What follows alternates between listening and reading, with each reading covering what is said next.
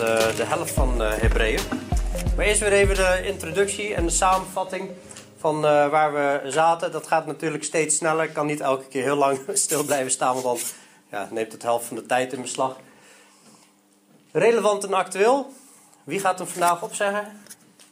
Ik wil een poging wagen. een poging? Ik vind het al heel dapper dat iemand is. Uh, Oké. Okay. Heel, heel, de schrift is door God ingegeven en is nuttig om deze uh, te, on, te, te, te, onderrichten, te weerleggen, te verbeteren en op te voeden tot de gerechtigheid van God, opdat de mens die God toebehoort volmaakt zou zijn en tot uh, zijn werk, tot Gods werk volkomen toegerust. Ja. Niet ja. helemaal. Maar... Nee, maar de strekking, dat, Ja. het gaat om de betekenis natuurlijk. Hè, dan, eh, ja, ja, ja. Ah, mooi, mooi, mooi. Nou, volgende keer als wij nou thuis ook gaan oefenen met de kinderen en de rest ook zonder kinderen, dan eh, komt het vanzelf eh, goed. Nee, maar dat is, een mooi, eh, dat is een mooi wapen om elke keer als we de schrift openen denken van... Ja, is dit nou wel een relevante brief? Of een boek? Ja, natuurlijk is het relevant, want het is door God ingegeven. En zo de Hebreeënbrief ook. Hebreeënbrief begon met... Jezus is de schepper van de wereld. Jezus is God overwinnaar over zijn vijanden en de dood. Hij is onze broeder. En er is in hoofdstuk 2 gewaarschuwd om... Pas op dat we niet afdrijven van het geloof. Volgende hoofdstuk. Pas op dat je je hart niet verhardt als je die boodschap hoort, als je de stem van God hoort. En we hebben ook gezien dat we de eeuwige rust moeten ingaan.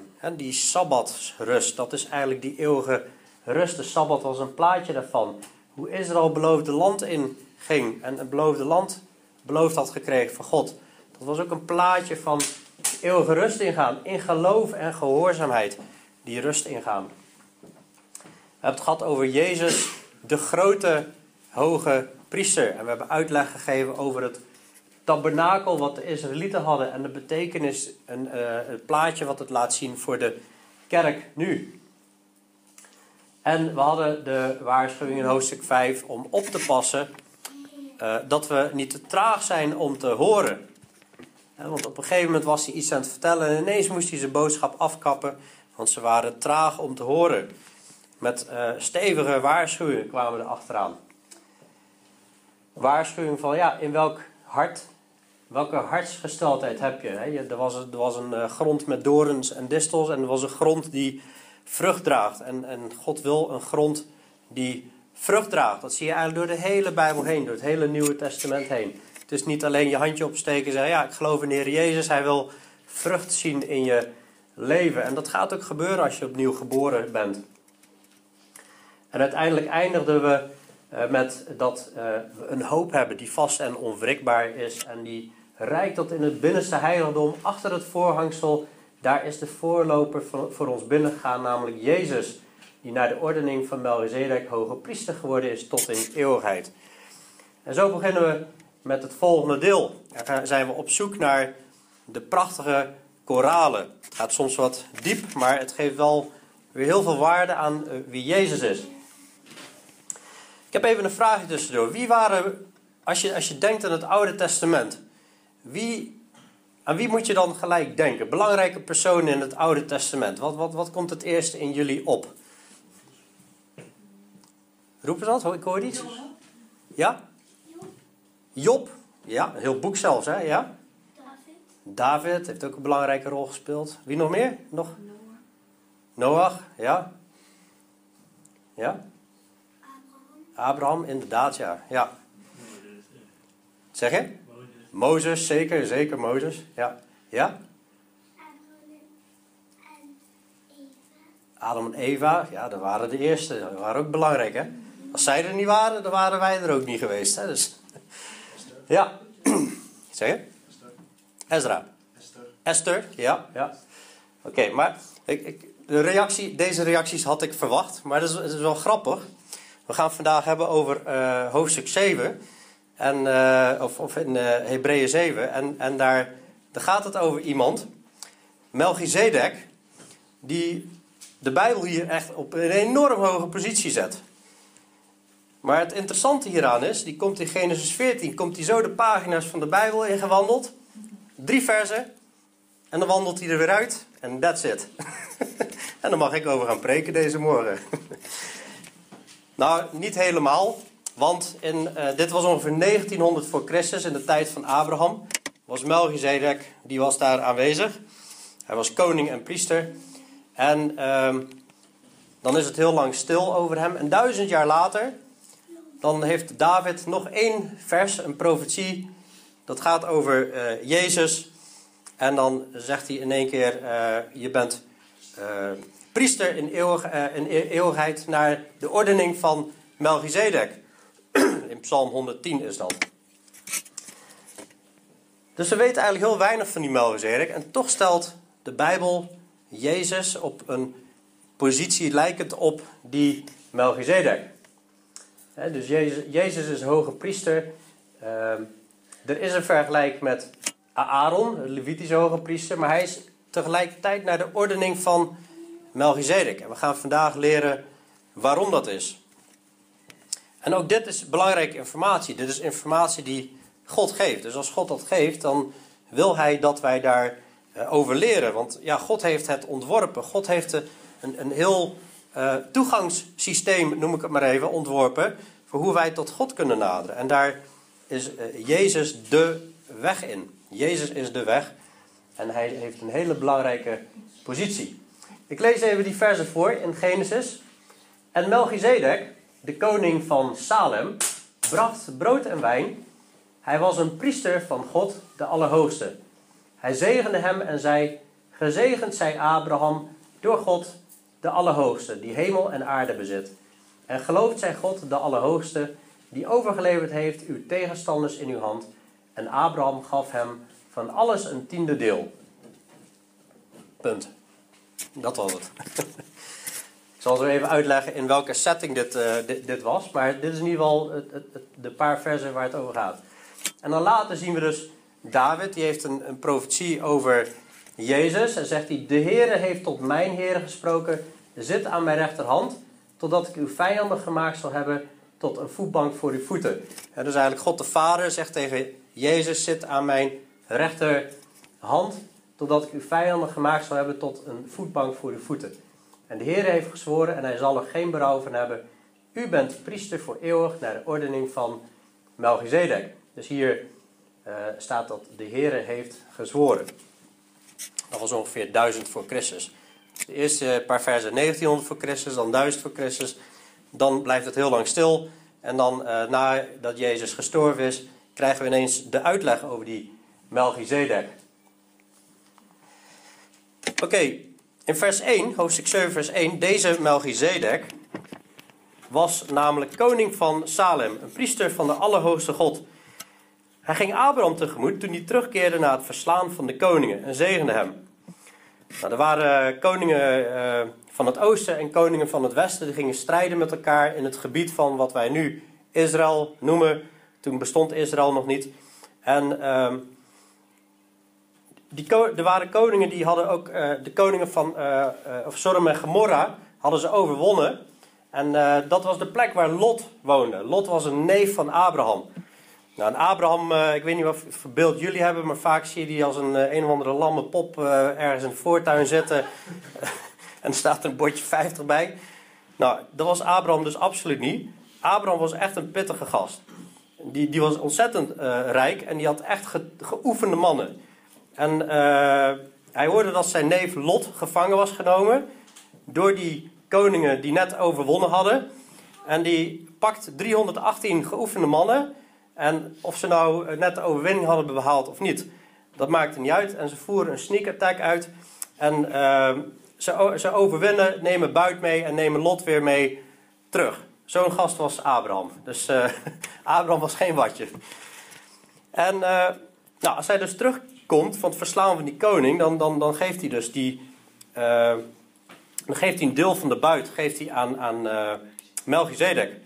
Vers 2: Aan hem gaf Abraham ook van alles het tiende deel. In de eerste plaats was hij, al dus de vertaling van zijn naam, koning van de gerechtigheid. En verder was hij ook koning van Salem. Dat is koning van de gerechtigheid. Nou, uh, koning van de vrede, correct. Nou, Heel vaak uh, hebben namen in de Bijbel een, een betekenis en uh, die betekenis heeft ook een toepassing vaak in, in het leven. En Melchizedek, dat betekent me Melech Zedek. Melech betekent koning en Zedek betekent gerechtigheid. Koning van de gerechtigheid was zijn naam. En verder was hij ook koning van Salem. Nou, Salem, dat zien wij in Jeruzalem. Uru, dat betekent stad. Dat zie je in Urban, zie, je dat terug. Uh, Uru Salem betekent stad van de vrede. Salem, dat zie je ook nog in Shalom. De Joden begroeten elkaar met het woord Shalom. En dat betekent vrede. En uh, ja, dat is, dat is bijzonder. Hij was koning van gerechtigheid en uh, hij was ook koning van vrede. We weten dat Jezus natuurlijk ook een vredevorst is. En hij brengt, hij brengt ook gerechtigheid. Ja, en Jezus is een, een, een, een priester in de ordening van Melchizedek. En dan staat er in één keer iets heel raars. Deze Melchizedek, vers 3, die was zonder vader, zonder moeder, zonder stamboom. Een stamboom voor de kinderen, dat laat zien van wie waren jouw ouders en wie waren de ouders van die ouders en de ouders van die ouders. En dan kun je zo helemaal terugzien wat de stamboom is. Hij kent geen begin vandaag en ook geen levenseind, maar aan de Zoon van God gelijk gemaakt, blijft hij in eeuwigheid priester. Nou, waarom is dit zo bijzonder? Dit is bijzonder omdat de Levitische priesters, die in de tabernakel dienden, die onder de wet van Mozes vielen, die moesten altijd een stamboom kunnen laten zien. In de tijd van Ezra, uh, dan zie je dat op een gegeven moment Ezra terug wil komen vanuit Babylon. De Joden waren 70 jaar gevangen genomen en dan willen ze terug. En dan vinden ze wel priesters, maar geen priesters die konden bewijzen dat ze van de Levieten waren. En dan kunnen ze die niet aanstellen, want God had echt duidelijk gezegd: die priesters moeten van de Levieten zijn.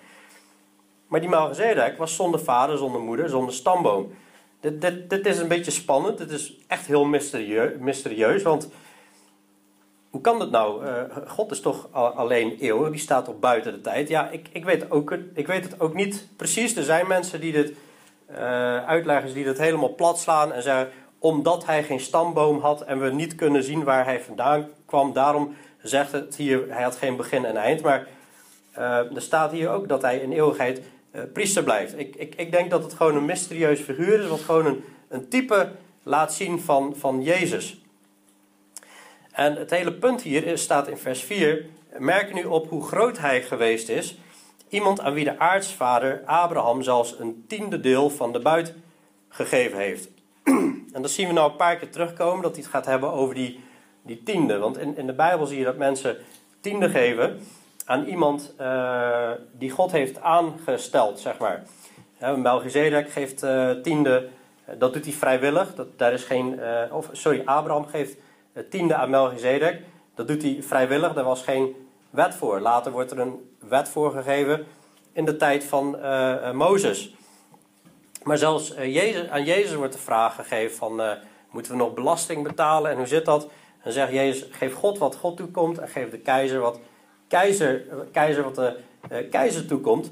En uh, wat God toekomt, dat, dat zei hij tegen de Joden. En de Joden wisten dat, het tiende deel, dat kwam God toe. En je ziet ook in 1 Korinthe 9, daar, daar, zie je ook nog dat hun die arbeiden in het evangelie, of voorgangers, ouderlingen, die behoren ook te leven van het evangelie, net als de levieten eigenlijk leven in de tabernakeldienst.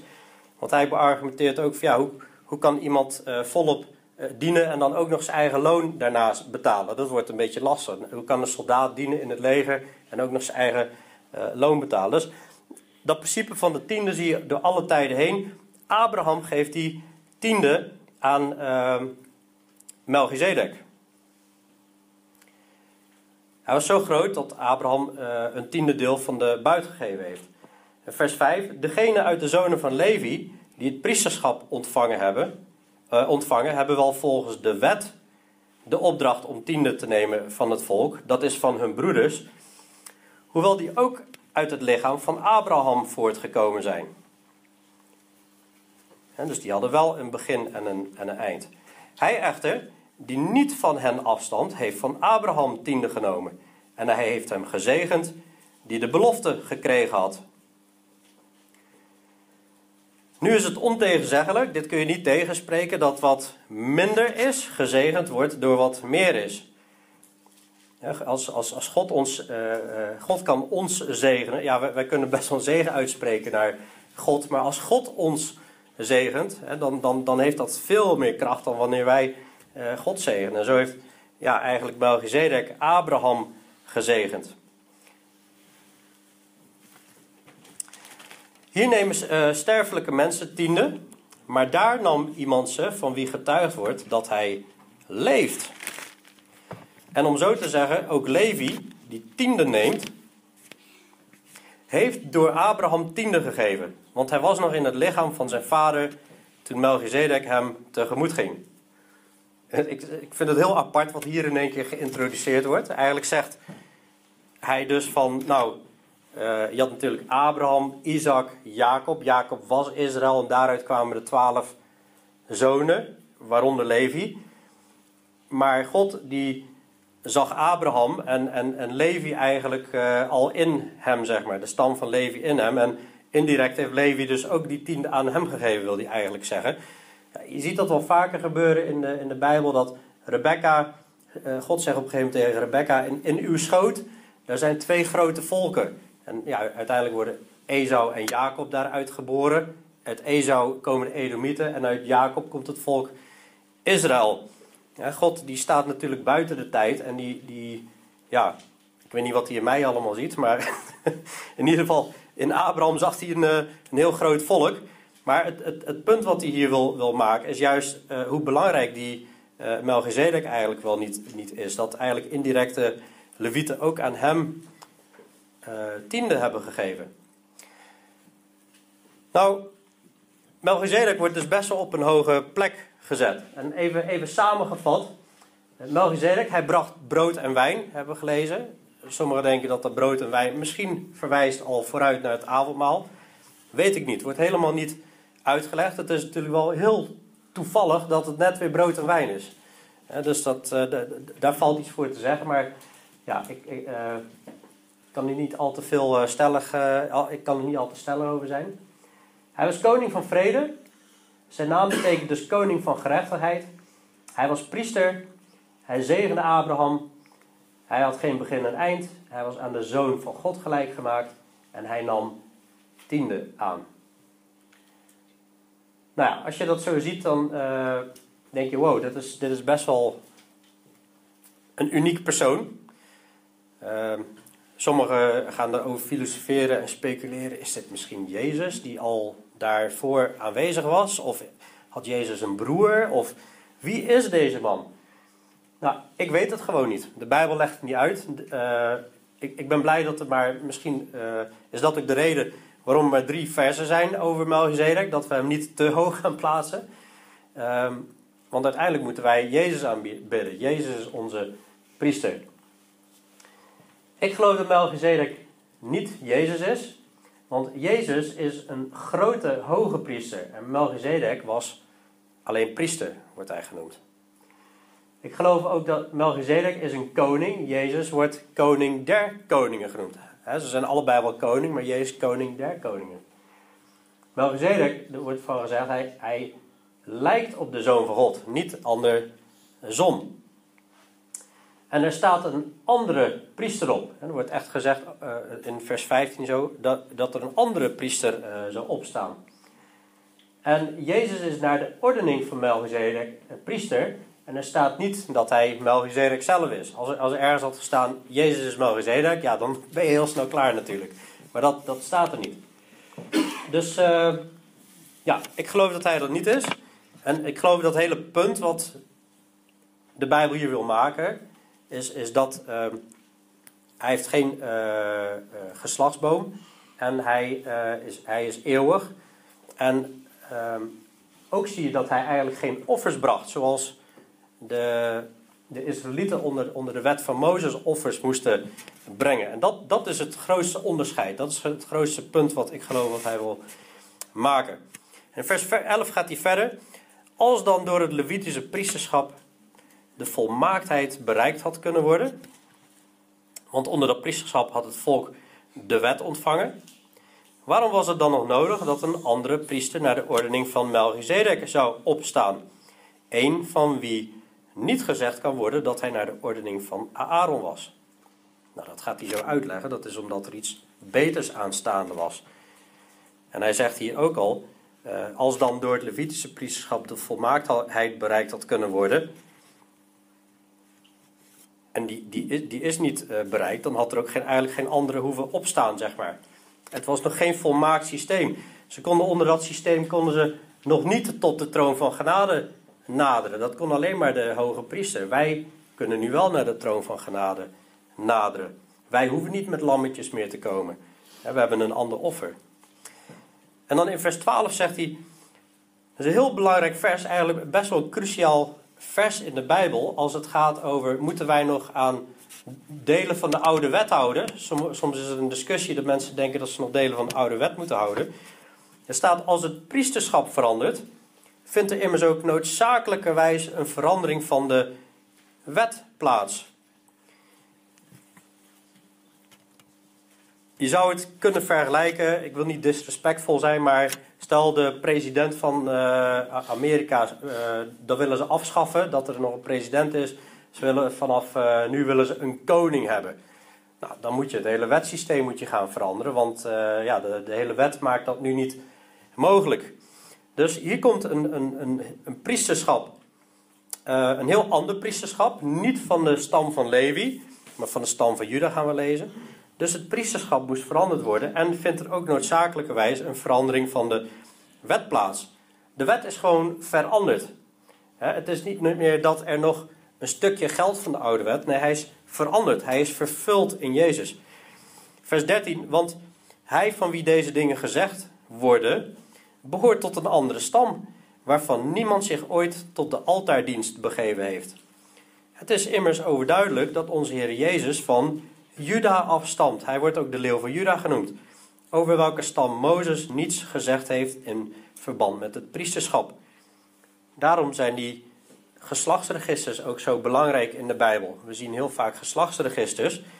Echt vanaf het begin van de Bijbel tot het eind toe kun je alle geslachten kun je, uh, traceren van, uh, of de geslachtslijn van Jezus kun je helemaal uh, traceren.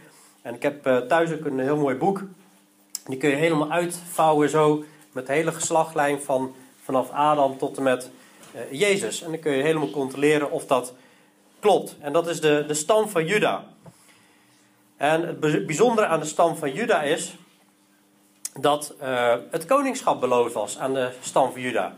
De Joden verwachten ook een koning uit de stam van Juda. In het boek Genesis lezen we al. De scepter zal van Juda niet wijken. En dan komen er steeds meer details erover. Maar dat deze koning ook priester zou zijn, dat is op een gegeven moment nieuw. Maar dat horen we bij David, dat uh, David profiteert dus dat hij zal zijn naar de ordening van Melchizedek, koning en priester. Ook in Zacharia lezen we op een gegeven moment een, een profetie. Dat, dat is ook in de tijd van Ezra, wanneer ze weer opnieuw Jeruzalem, opnieuw de tempel aan het herbouwen zijn. Dan hebben ze een hoge priester, Joshua heet hij. Joshua betekent, is dezelfde naam als Jezus eigenlijk. Betekent hij die redt. En die priester die moet in één keer kronen op zijn hoofd gaan zetten. En dat is een profetie over de spruit die zal komen, zeg maar. Over Jezus die zal komen. Daar zag je al het hoge priesterschap en het koningschap gecombineerd. Dus het uh, vers 14, het is immers overduidelijk dat onze Heer van Juda afstamt, over welke stam Mozes niets gezegd heeft in verband met priesterschap. En dit wordt veel duidelijker als er naar het evenbeeld van Melchizedek een andere priester opstaat. Die dat niet geworden is op grond van een wettelijk voorgeschreven afstamming, maar uit kracht van onvergankelijk leven. Uit de kracht van leven wat niet vergaat. Jezus is de weg, hij is de waarheid en hij is het leven. Hij is op grond van ja, dat hij eeuwig leven is, zeg maar. Op die grond is hij priester geworden. Hij getuigt immers, u bent priester in eeuwigheid naar de ordening van Melchizedek. Dit, dit, dit vers uit Psalm 110, dat wordt wel vier of vijf keer aangehaald in de Hebreeënbrief. Dat, dat zet het neer als iets wat heel belangrijk is. Want de terzijdestelling van het voorgaande gebod, het is echt aan de kant gezet, vindt plaats vanwege zijn zwakheid en nutteloosheid. Het wordt gewoon zwak en nutteloos genoemd. De wet heeft namelijk niets tot volmaaktheid gebracht, maar de totstandbrenging van een betere hoop, waardoor wij tot God naderen, doet dat wel. Die oude wet, dat was heel veel, er waren heel veel reinigingsceremonies, allemaal de buitenkant reinigen, zeg maar. Maar wat, wat deze, wat de, wat de nieuwe wet doet en de betere hoop doet, die, die reinigt ons van binnen. En we krijgen een tempel, ons lichaam wordt een tempel van de Heilige Geest. Dit is echt totaal iets anders.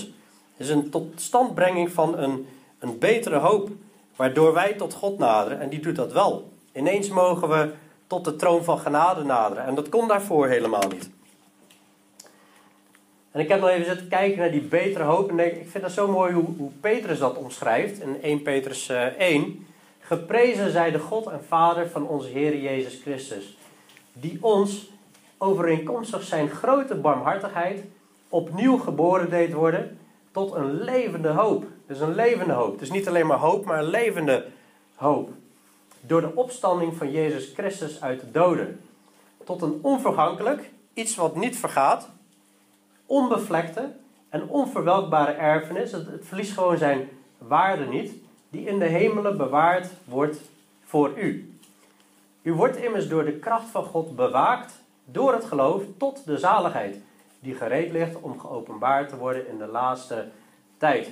Dus voor degenen die in Jezus geloven, hun vertrouwen in Hem hebben gesteld, er staat in 1 Thessalonicense 4 dat op een dag zal de bazuin blazen, de bazuin van God. En dan zullen de doden die zullen opstaan, die gestorven zijn in Christus. En hun die levend overgebleven zijn, zullen dan opgenomen naar een ontmoeting met Jezus in de, in, in de wolken hem eh, tegemoet. En zo zullen we voor altijd bij hem zijn. Dat is een levende hoop. We zijn verzegeld met de Heilige Geest. En we hebben een hoop die bewaard wordt. En die wordt ook nog eens door de kracht van God bewaakt door het geloof tot de redding, zeg maar, de eindredding. Dat is een bijzondere hoop waar we aan vast mogen houden. En die, als je dit weet, dat, dat, dat mag stimuleren om Jezus volledig vast te klampen en niet meer los te laten. Dat is ook de boodschap van de hele Hebreeënbrief. Van kijk naar Jezus, blijf naar Hem kijken, volg Hem en laat niet meer gaan. En in zoverre Hij geen priester is geworden zonder het zweren van een eed, vers 20. Want uh, zij zijn wel zonder het zweren van een eed uh, priester geworden. Maar hij is het geworden met het zweren van een eed door God. Hebben we vorige keer ook al gezien. God heeft iets beloofd aan Abraham en hij heeft een eed gezworen. Die tegen hem gezegd heeft: De Heere heeft gezworen en het zal hem niet berouwen. U bent priester in eeuwigheid naar de ordening van Melchizedek. Als je dit hoofdstuk leest, is Melchizedek echt een superbelangrijke persoon in het Oude Testament. Daarom vroeg ik ook, noemen ze een belangrijke persoon? Ja, ik zou hem ook niet zo opgenoemd hebben hoor. Maar als je de Hebreeënbrief bestudeert, is Melchizedek toch wel echt een van de belangrijkste personen in het Oude Testament. In zoverre is Jezus borg geworden van een zoveel beter verbond, een zoveel beter testament. En we vierden vanmorgen het avondmaal. En dan zegt hij: Dit is het nieuwe verbond, het nieuwe testament. En Jezus is borg geworden van een zoveel beter verbond. Hij, bij een verbond er moest er bloed vergoten worden. Er moest een verzekering komen. Als jij een, een deal sluit, een zakelijke deal, dan wil je zekerheid hebben. En uh, je zag ook in de, in de economische recessie, toen het niet zo goed ging met het land financieel. En, en grote bedrijven wilden grote deals doen. En er was onzekerheid met de banken, dan, dan ging de overheid, of overheden, die gingen vaak borg staan. Die gingen borg staan voor grote uh, deals. En dan zeiden ze, ja, als een bank omvalt, dan staan wij borg. Wij zijn de garantie dat je je geld niet verliest. Nou, dan wilden mensen in één keer weer zaken doen. Maar ik kom zelf uit de bouw. En daar deden we ook heel veel aan borging, kwaliteitsborging. Dan hadden we bijvoorbeeld een uh, grote constructie van een een of ander groot gebouw. En dan moesten de dakplaten moesten gelegd gaan worden. Nou, dan moest er eerst valbeveiliging rondom. En dan moesten er eerst allemaal vangnetten onder gehangen worden. dat als iemand ja, per ongeluk zou vallen, dat de veiligheid geborgd was. Hè? Dus dat borgen, eh, pas als, als dat geborgd was, dan mochten ze gaan werken op het dak.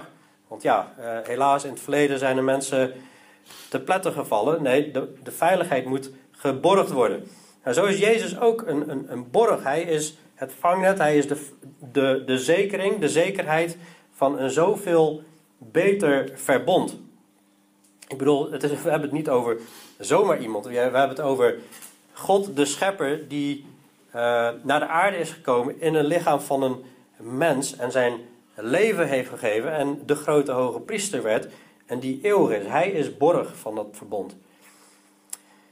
En zij zijn wel, zij, dan heeft hij het in één keer weer over die levieten, die zijn wel in grote getalen priester geworden, omdat zij door de dood verhinderd werden altijd te blijven.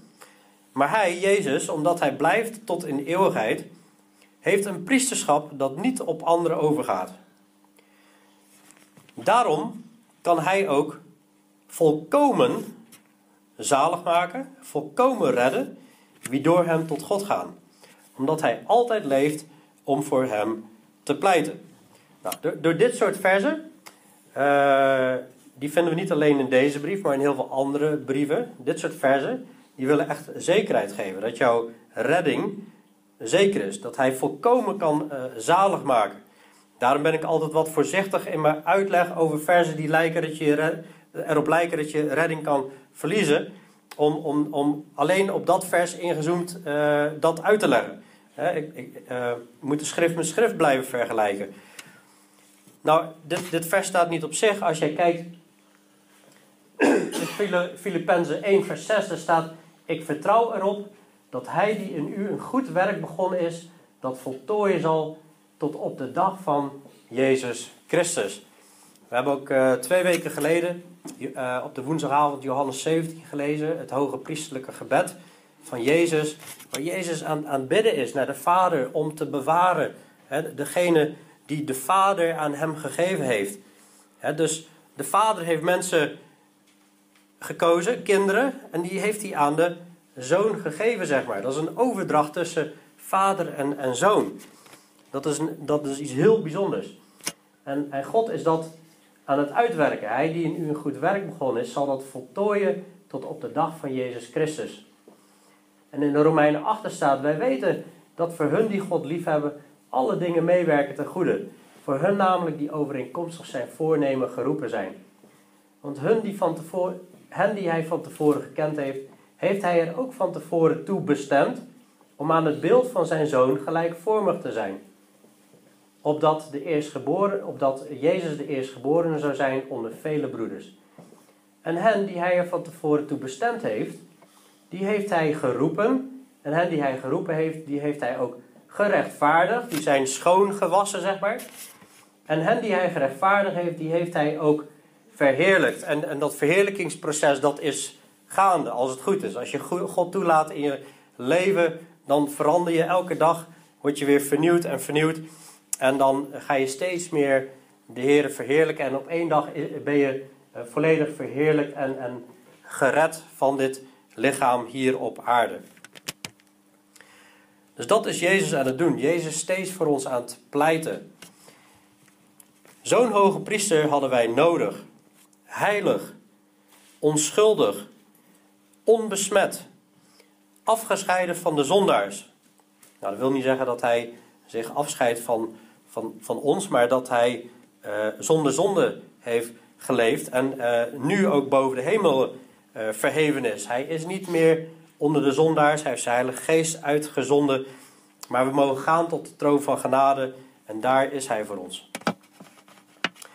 Hij heeft het niet nodig, zoals de hoge priesters, elke dag voor zijn eigen zonde.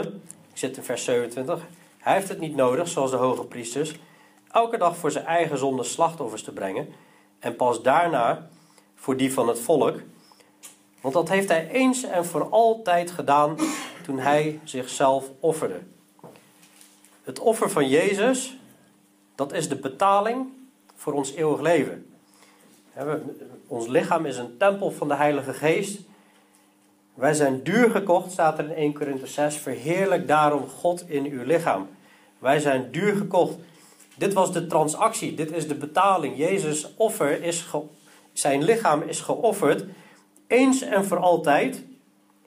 Jezus hing aan het kruis, hij wist wat er ging gebeuren en hij zei op het einde: Het is volbracht. Klaar, over en uit. En in Colossense 2 staat dat die hele wet, alles is genageld aan het kruis. En hij heeft de overheden, Satan en zijn handlangers openlijk te schande gemaakt. Ze hebben niks meer tegen ons aan te klagen. Het is afgelopen. Hij heeft het voor eens en voor altijd gedaan toen hij zichzelf offerde. Want de wet stelt mensen die met zwakheid uh, behept zijn. dat is een leuk woord. Die, uh, de wet stelt mensen die met zwakheid, uh, die lijden aan zwakheid, die, die zwakheid hebben, die stelt hij aan als hoge priester. Maar het woord van de eed, die na de wet gezworen is, hè, aan David, stelt de zoon aan, die tot in eeuwigheid volmaakt is. En dat is eigenlijk uh, het is misschien best wel even een, een, een, technisch verhaal. Het is wat feitelijk allemaal wat we hier allemaal leren over Jezus en zijn hoge priesterschap en hoe hij vergeleken wordt met Melchizedek. Maar ik denk dat de boodschap iedereen wel duidelijk is dat Jezus offer super bijzonder was. Dat Jezus grote hoge priesterschap super bijzonder is. Dat dat eeuwig is. Dat Jezus borg staat. Dat we een betere hoop hebben. En dat hij volkomen zalig maakt wie door hem tot God gaan. En ik denk dat uh, als we kijken naar deze preek en dit verhaal, dat de toepassing, ik zoek altijd naar een toepassing, wat kunnen wij hiermee? Dat, dat, dat is dat je, wij hoeven dan geen offers van dieren meer te brengen, maar Romeinen 12, vers 1 en 2, dat zegt dat, dat roept op om je lichaam te stellen als een levend offer, om te zeggen, Heer Jezus, u bent mijn schepper ik heb het verknald. Heer, ik ben, ik, ik ben een zondaar. Hier, hier ben ik. Hier is mijn leven. Gaat u maar op de troon van mijn hart zitten. En ik wil voortaan voor u gaan leven. Ik wil voor eeuwig bij u horen. Jezus is die weg naar de Vader. Hij is de weg, de waarheid en hij is het leven. Niemand komt tot de Vader dan door Jezus. En als je daar bent, dan is het ook dagelijks gebruik maken van die weg. Daar vinden we genade en barmhartigheid. Het leven is niet makkelijk, dat belooft de Bijbel niet dat het leven makkelijk is. We zullen juist heel veel verdrukking hebben hier op aarde. Maar God wil wel ons helpen door de Heilige Geest. De Heilige Geest in ons, die kunnen we ook uitblussen. Maar we moeten dat niet uitblussen, we moeten het aanjagen en aanvuren. En ik denk dat dat de reactie mag zijn. Dat we onze harten weer wagenwijd openstellen en zeggen: Heer Jezus, hier zijn wij. En ik wil mijn leven gewoon toewijden aan u.